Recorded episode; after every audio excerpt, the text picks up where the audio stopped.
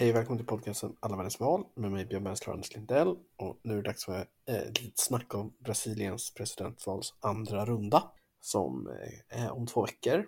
Eller hur Anders? Ungefär 30 oktober. Då möter alltså Lula da Silva Jair Bolsonaro, vilket väl ingen är förvånad över. Ja, men eh, ska vi gå rakt på det då? Hur gick det i första rundan? Jo, för den som inte har järnkoll så blev det då 48,4 procent för Lula och 43 för Bolsonaro. Det innebär då ungefär 57 miljoner röster för Lula och 51 för Bolsonaro. Så det var väldigt jämnt kan man väl säga, eller hur Anders? Ja, och det var jämnare än vad mätningarna, stora snacket har ju varit att det var jämnare än vad mätningarna trodde att det skulle vara.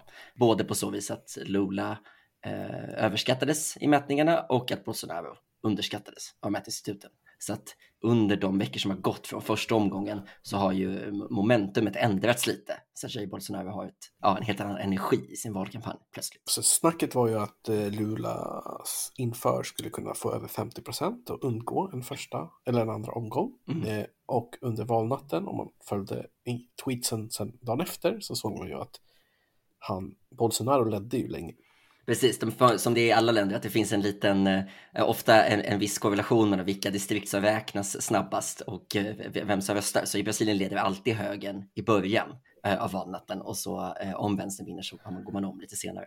Men precis, det var en stor chock för Bolsonaro hade väldigt stort stöd i, i, i början, i flera timmar liksom. På, på... Ja, och sakta gick Lula i kapp och förbi men kom aldrig riktigt nära 50 procent. Det hade behövts ja, någon, någon miljon till röster, typ två en och en halv kanske. Ja. Och då låter det som att Luleå gjorde ett dåligt val, men egentligen så var det PTs bästa val i en första runda sedan 2006.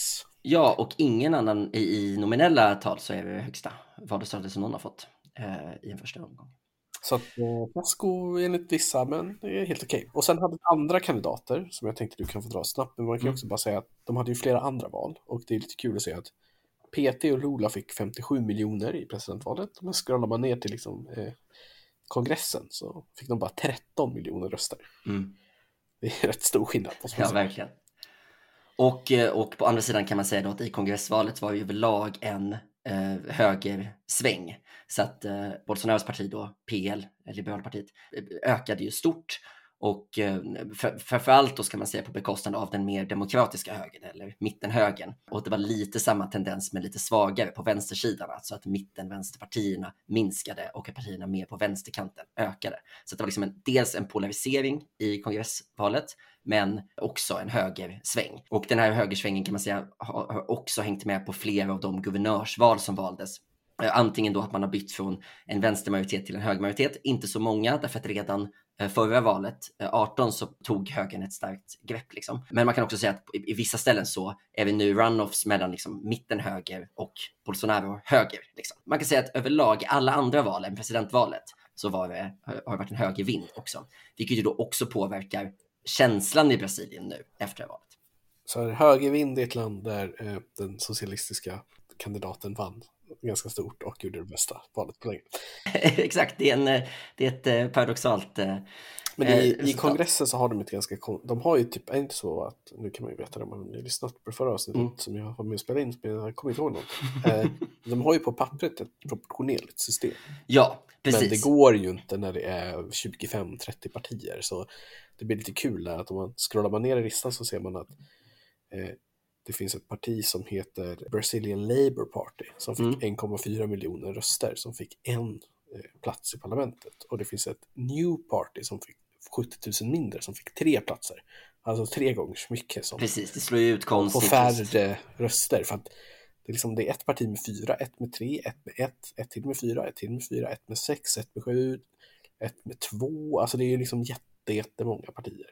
Så. Precis, och så är det Och, det, så att, eh, och man ska förstå det här med att Lula då fick fyra gånger så många röster som hans parti fick i kongressen. Det handlar ju också om att eh, de har ju en slags valallianser bakom de här kandidaterna. Så att eh, liksom kommunistpartiet och, och det gröna partiet och så har ju inte en egen kandidat utan röstar ju på, på Lula. Och, så. och det tänkte jag vi kunde prata lite om senare när vi pratar om kampen om mitten nu som finns här. Ja, då ska vi gå in på vad har hänt sedan valet då, Anders? Ja, vi kan gå in lite på, du nämnde ju bolla upp det här med de andra kandidaterna. Um, för det fanns ju då två andra eh, kandidater som ju båda är då innanför Lula och Bolsonaro på höger-vänsterskalan. Så att å ena sidan så har man då mitten-vänsterkandidaten Ciro Gomes som ju var ett ganska starkt namn eh, förra valet, alltså 2018 och fick 12 procent då och som ju varit minister under Lula och som vi pratat lite om och så. Han eh, landade på extremt låga 3 procent. Och det är ju också en förklaring då till att det är lite smolk i glädjebägaren trots att Lula gick så bra. Att det, eh, på pappret borde det ju vara hans röster som liksom är reserven för Lula i andra omgången eftersom Sivo också kommer från vänstern. Sen kommer vi snart komma in på att det inte är riktigt så enkelt i Brasilien för att ingenting är enkelt i Brasilien. Men det borde vara så att det är Lula och Ciro som utgör vänstern. Och det borde då vara så, om man ser på pappret, att det är Bolsonaro tillsammans med, den fjärde kandidaten Simone Tebet som är höger, därför att hennes parti MDB var de som avsatte Dilma Rousseff eh, för sex år sedan och som har rört sig tydligt åt, eh, åt höger. Men Tebet gjorde ett bättre val än förväntat och landade på knappt 5% Så att eh, även om det då är väldigt lågt så är det Eh, hon var ganska okänd. Hon har gjort en, en valkampanj som har handlat väldigt mycket om att vara emot både Lula och Bolsonaro och stå upp för någon slags eh, liberal, mänskliga rättigheter, vänlig politik så och liksom spelat mycket på att vara mitten högerns vänliga ansikte. Liksom. Så att trots att hon bara fick 5% så har hon gjort en val. Hon kommer ur valrörelsen ganska stark medan Ciro Gomes till vänster om henne kommer ur valrörelsen ganska stukat. Och det kan man också se i skillnaden då när båda de här kandidaterna har ju gjort sina endorsements då, vem de tycker man ska rösta på. Och då Ciro Gomes som då står till vänster, hans parti, de tog ett beslut som var enhälligt att stötta Lula. Och, eh, men Ciro Gomes har inte ens sagt utan han spelar en video där han bara säger jag kommer följa mitt partis beslut. Och han nämner alltså inte vad det beslutet är, liksom, för att han känner sig så. Deras väljare verkar ju vara 44 procent för Lula och 40 för Bolsonaro enligt en opinionsundersökning, vilket ja. ju är lite intressant från ett vänsterparti att de är basically split even. Precis, men det handlar, och jag, min bedömning är att det handlar jättemycket om att det har varit så bråkigt mellan dem och väldigt stor del av PTs valrörelse eh, inför första omgången var ju att man försökte hetsa Gomes anhängare att rösta på Lula istället för att få överstökat i första Eh, så att det var ganska mycket infighting i, i vänstern då. Liksom. Eh, Medan Tebet då, hon tog också ställning för Lula, vilket kanske inte var lika självklart innan. Eh, men hon gjorde det ännu tydligare och gick ut liksom starkt med att så här, ja, alltså hon vad ska man säga, motiverade det politiskt med att det liksom var viktigt att Lula blev vald av politiska skäl. Det har inte Ciro Gomes gjort. Och Lula och Tebet har också haft en gemensam presskonferens där han så berömmer henne för en stark valkampanj och så. Så att det har redan börjat pratas om att hon kanske får en plats i en eventuell Lula-regering och sådär. Han, kanske, han har suttit i fängelse för diverse affärer under bordet tidigare, Lula. ja. Antyder du att det har en slags rekrytering som har Ja, men det är väl lite, det är väl, det, det är väl helt lagligt att bara att göra en politisk, en politisk deal med lite väljare. Där är i alla fall eh, väljarna också splittade, men med lite mer övervikt för Lula faktiskt än för vänster, det andra vänsterpartiet. Precis, så det kan man säga att, alltså, och nu ska man inte överdriva höger MDB, men, men deras roll i brasiliansk politik har varit att snarare stötta, liksom, de var en viktig skäl, ett viktigt skäl till att Bolsonaro kom till makten. Liksom, och okay, men, för ihop så har ju de här ändå nästan 8,5 miljoner väljare, så att det mm. blir ju Lyckas de få med sig sina egna väljare så blir det ju en bekväm seger för Lula. Men mm. det ser ju ganska jämnt ut. Men eh, vi ska gå in på en opinionsanalys strax. Mm. Eh, vad har hänt i debatten då, Anders? Liksom, vad, har det kommit upp någon fråga? Jag hörde att du tittade på en debatt häromdagen och lite sånt där. Ja, det var en debatt eh, i natt då. Natt, vi spelade in det här den eh, 17 oktober, va? så natten mellan 16 och 17 svensk tid så var det en debatt. Eh, som, som jag tittade på eh, delar av eh, idag. Men eh, som det blir sådana här två omgångar så är det ju ofta så att man, man piskar igång de egna väljarna i första omgången.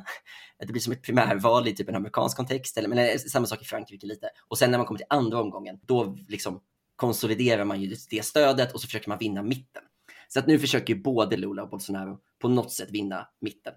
Eh, och en annan sak som vi faktiskt glömde nämna i förra avsnittet, det är ju att eh, Lula har ju, gjorde ju eh, tidigt i den här valkampanjen en stort steg åt mitten, som gör att han har utsett en vicepresident från det stora mitten-högerpartiet, PSDB, som alltså han själv slog i valet, alltså hans huvudsakliga utmanare i valet 2006, Geraldo Alckmin. Så att han har ju redan liksom eh, försökt göra vissa saker för att kliva in mot mitten liksom. Och fortsätter väl med det lite grann. Sen eh, min bild är att Lula själv inte är så himla liksom varken intresserad eller bra på att prata om mittenpolitik. Men han har gjort några grejer. Det ena är att han pratar mycket mer om militären och det andra är att de pratar mycket mer om kyrkorna. För de, den kristna rösten har ju varit något som har debatterats väldigt mycket, att det kommer avgöras bland de evangelikala eh, väljarna. Eh, men det är inte så mycket sakpolitik, utan det handlar mer om att prata om. Liksom. Lula är visst kristen, Lula är visst, har visst respekt för alla de olika. Är det som i amerikansk politik att man måste vara Christian? Eller som ja. innan i alla fall. Det är väl ingen som tror att Trump var Christian. Liksom. Nej, precis.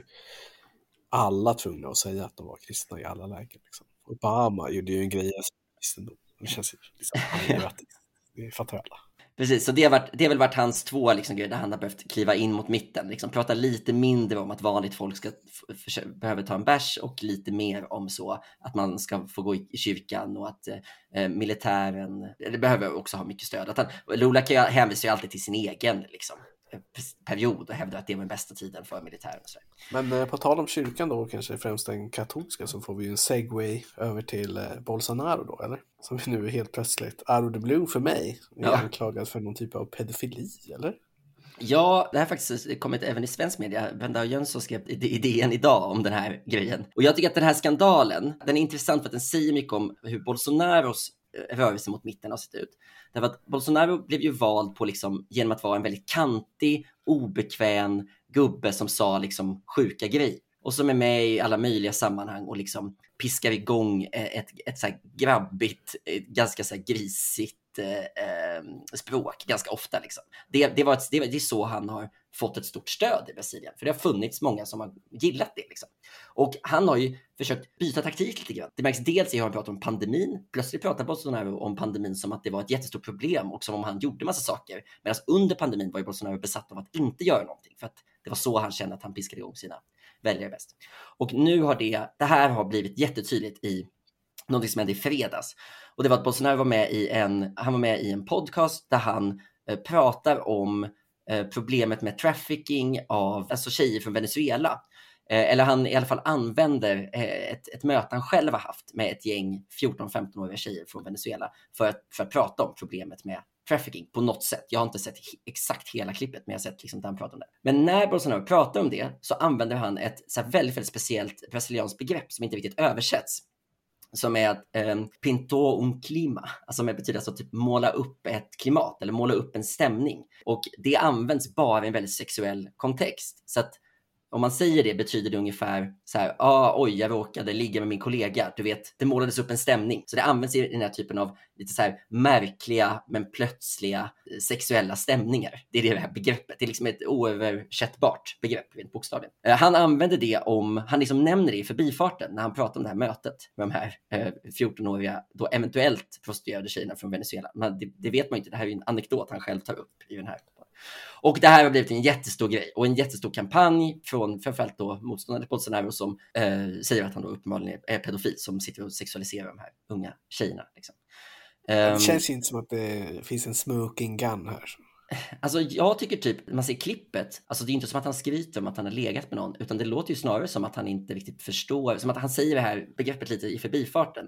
Men det jag tror att man ska förstå det här, det handlar inte så mycket om ifall Bolsonaro är pedofil eller inte, utan det det handlar om är att det, det, säger någonting om hans problem med att röra sig från typ alternativmedierna på högen och också förhålla sig till att han faktiskt är president för ett jättestort land och behöver prata om politik på ett sånt sätt också. Och då blir det, liksom, det blir väldigt svårt för att hålla den balansen. Så att då vill han kanske sitta och låta lite så som en skön grisig gubbe för en viss publik. Men när det klippet sen sprids så kan han inte hantera det. Så nu eh, har han anmält PT då till, till valdomstolen och, och, faktiskt fått rätt. Så att PT får inte använda det här klippet. Det har blivit ett liksom domslut på det. Att de får inte använda det här klippet i sin, i sin propaganda för att mm. det beskrivs som att det är liksom out of context på något sätt. Vem är det som har tagit det här beslutet? Ja, men de har en väldigt speciell, Brasilien älskar sitt eh, märkliga domstolsväsende. Så det finns liksom en, en särskild valdomstol eh, där en av domarna i Högsta domstolen sitter och liksom tar massa beslut hela tiden på hur valrörelsen ska gå till och vad som är korrekt och inte. Liksom. Eh, det är en ganska speciell ordning att man har en särskild sån domstol, men det, det mångfacetterade brasilianska rättsväsendet är en härlig och spännande djungel. Men jag tycker i alla fall att det, den här balansgången är väldigt, väldigt svår för, för Bolsonaro. Att både då försöka röra sig mot mitten, prata mer om fattigdom, prata mer om eh, de här kristna värderingarna han börjar prata om och så, samtidigt som han måste hålla sina väljare varma och då kanske då och då dra en lite grisig anekdot om när han träffade eh, några tjejer han blev lite tänd på. Jag tycker att det blev, det blivit en ganska bra beskrivning av hans, hans kommunikativa dilemma. Typ. Ska vi ta ett litet titt på opinionsläget då innan vi rundar av det här? Ska vi bara då snabbt titta på hur, hur det såg ut sist så kan jag ju då berätta att undersökningarna underskattade Bolsonaro med ungefär 4 procent och de överskattade LOLA med ungefär 4% Så om de sakerna mm. möts på mitten ungefär så får man då resultatet som det blev, det vill säga 43-48. Och de företag som har mätt även i första och i andra omgången, i snitt så mäter de då Bolsonaro ungefär 4% högre och Lula ungefär 2-3 lägre, det vill säga ungefär samma som deras fel var i förra omgången. Så de har ju mm. justerat sina metoder här. Eh, det ger att snittet för Bolsonaro just nu ligger runt 44-43 och snittet för Lula ligger eh, på 49 ungefär. Anmärkningsvärt här är ju att ingen mäter Lula högre än i första omgången, trots att han ju i teorin har fått en massa röster från de här andra partierna. Ja. Eh, vilket ja, det är riktigt intressant. Tvivla lite. Men ja, men Lula ser i alla fall ut att ha en ganska stark ledning. Även om den känns, den är ju mindre omfattande. Han ledde med ungefär 12 procent i snitt, ungefär 11 inför mm. första. Och nu leder han med ungefär 4,5 procent. Så det har ju blivit mycket, mycket jämnare. Och tittar man på de senaste dagarnas rörelser, vilket jag tyckte inte det fanns någon trend i datan eh, under liksom månaden inför valet. Mm. Så det är väl lite svårt att säga. Men eh, så ser det ju faktiskt ut som att det är eh, ganska jämnt. The Economist tycker att det är 43-47 mellan dem. Mm. Och eh, får man ändå säga att det är ganska jämnt. De har ju väldigt svårt. Det är ju speciellt att det är två så eh, att de står så långt ifrån varandra. Det är två liksom helt olika visioner för Brasilien, två helt olika förklaringar. Det är liksom väldigt svårt för dem att ta väljare från Men, varandra. Eh, liksom. Bolsonaro har ju i alla fall momentum. Alltså, mm. om man tänker en månad tillbaka i tiden så har ju han förbättrat sin position medan Lula har ju försämrat sin. Ja. Och eh, förutom om, om man tittar, inte på de här, vi tittade alldeles nyss på liksom, eller diskuterade att de här andra partiernas anhängare inte så tydligt har gått till Lula som deras ledare vill. Mm. Men det är mycket lite intressant med Brasilien är att eh, demografin, typ så här, mängd kvinnor och ålders och så här, är inte så jävla tydlig. Utan det är liksom de religiösa grupperna är betydligt mer Bolsonaro och det finns en väldigt tydlig politisk geografi i landet. Vart man är stark, att Bolsonaro är väldigt stark i de sydligaste delarna och mm. sådär. Men... Och Nord är väldigt stark i nordöst. Det jag såg, eh, eller det jag läste om är också att det har varit ett litet, alltså det är ganska högt, eftersom det är obligatoriskt att rösta i Brasilien så är det ett ganska högt valdeltagande. Det låg omkring 80 procent nu. Ja, det var 79. Men det var lägre i eh, just i nordöst där Lula är starkare och det var lite lägre än väntat bland kvinnor där Lula också har ett övertag. Så att det är också någonting i att hans, Lulas väljare kom ut till urnorna i, lite sämre uppskattning, eller i lite sämre omfattning än vad folk hade trott. Liksom. Han fick inte ut the turnout. Men det kanske också var för att många tänkte att det var klart. Kanske, men det är också, ja. Vad säger vad säger pressen där borta då? Panditsarna om hur det går? Jag vet inte. Jag tycker också att det där är svårt. Jag, Brasilien är, det krångliga med Brasiliens medieklimat är att det är extremt eh, vinklat. Också på ett ganska så här, vad ska man säga, Eh, illa dolt sätt. Alltså även på nyhetsplats tycker jag att det kan vara väldigt uppenbart. Liksom. Jag har läst lite liksom, som det handlar om, man pratar om det här med eh, trianguleringen. För att det som är intressant med trianguleringen Eh, vi pratar lite om det här med Bolsonaro försöker flytta sig lite på fattigdom och lite på pandemin. Han försöker framstå mer vänster och Lula försöker flytta sig lite kring det här med eh, militären och så och eh, de kristna värderingarna. Men framför allt så har vi börjat triangulera eh, det negativa kampanjandet. Så att Eh, Bolsonaro har ju börjat lyfta upp typ PTs antidemokratiska tendenser. Det är därför han använder det här pedofilspinnet mycket nu mot PT för att han menar att ja, men det här är uppenbart, de är antidemokrater, de ljuger och så här. På samma sätt så har eh, PT och Lula börjat spinna korruption jättemycket mot Bolsonaro. Och det har ju varit Bolsonaros starka kort tidigare, att han, han, liksom, han må vara antidemokrat, men han är inte korrupt. Och det har spelat väldigt bra mot eh, det brasilianska Eh, väljarna. Men nu, har liksom, nu letar man grejer och hittar grejer på att, för, för att upp, upp det. Så att, och det där, det pratas det ju mycket om. Liksom. Alltså det, den smutsiga valkampanjen, men, och, men också att det här negativa eh, kampanjen har, har flyttats över lite. Vi får väl se också om den här eh, debatten som var igår, det var ju den första mellan bara de två, om den påverkar någonting också. Jag tyckte ju att eh, den stora höjdpunkten var ju att debatten var ju helt eh, omodererad nästan. De hade alltså i två långa block, de hade ett block som var med, där de fick frågor från journalister, men i två block var de liksom bara de två på en scen med eh, en schackklocka Så de fick 15 minuter var och så ställde de varandra frågor och så blev de avbrutna visserligen och liksom så om de, om de själva avbröt, men de, men de fick liksom sköta sig själva. Och det var lite roligt att se därför att det här är ju två män som verkligen, verkligen tycker illa om varandra och som definierar sin, sitt politiska arbete väldigt mycket i relation till den andra. Och det var se, kul att se dem då, då, då behöver de lite samsas om samma space lite grann. Och Lula gjorde en väldigt, väldigt liksom nästan tv-seriemässig grej i början av den här debatten. Som är att båda de två står bakom varsitt podie um, och har sina manus och ett glas med vatten och sådär. Och Bolsonaro får ordet första gången, han pratar lite. Sen får Lula ordet andra gången. Då lämnar han podiet och bara går fram till närmsta kamera och håller liksom sitt anförande en och en halv meter från kameran istället. Och det här tvingar ju Bolsonaro att också göra så. Han kan ju inte stå kvar bakom podiet. Så att från minut ett så lämnar de liksom sina platser vid de här pulpeterna och går istället, måste stå där ute. Och där är ju Lula eh, mycket, mycket mer bekväm. Han går runt och rör sig, han liksom står och skrockar lite och han pratar framförallt helt utan manus medan Bolsonaro har med sig ett lite så sladdrigt häfte med, Även, med papper. Är tv det dominerade mediet i brasiliansk. Ja, det får, man, eh, det får man nog säga. Det är ett väldigt, en väldigt stor tv-kultur. Liksom. Sen sändes inte den här debatten, vet jag inte om den sändes på så himla stort, faktiskt att den här var ganska nättung. Det var ett ganska, ett ganska stort mediehusband eh, som stod bakom den. Men jag vet inte om vilken kanal den riktigt sänds på. Den stora kanalen är annars eh, Globo. Men eh, jag tror inte att, även om det var eh, roligt för mig och andra eh, älskare av brasiliansk politik att se den, för att det blir väldigt tydliga skillnader, så tror inte jag att debatten avgör så mycket, utan det handlar väl om Eh, om Lula kan, kan öka liksom, deltagandet. Liksom. Kan jag avsluta med en sista fråga? Då? Har det surrats mer om någon eventuell kupp och grejer? Eller? Det blev ju ingen kupp efter första omgången. Nej, jag tycker det känns som att de minskar lite. Däremot så, det många sa, det som var den direkta reaktionen på valresultatet var att så här, fuck, det här kommer spela Bolsonaro i händerna. Eftersom Bolsonaros stora case är ju att medierna ljuger, etablissemanget ljuger, jag är motarbetad av liksom den djupa staten i Brasilien. Man, han... man, brukar ju ofta säga så, att förlora stort i första omgången spelar den i händerna.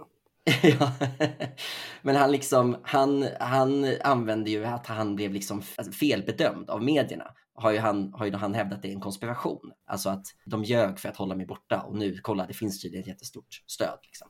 Eh, så att det, har, det har ju fortsatt mullras lite grann. Det man sa innan var ju att så här, det blir inte en kupp om man förlorar i första omgången, för då är det för tydligt. Men det kan bli en kupp om det blir jämnt, om man förlorar andra. För då kan det dyka upp en liksom, parallell röstning eller rösträkning och det kan dyka upp olika sätt. Fan, konstig kupp om man bryr sig om den blir för tydlig eller inte.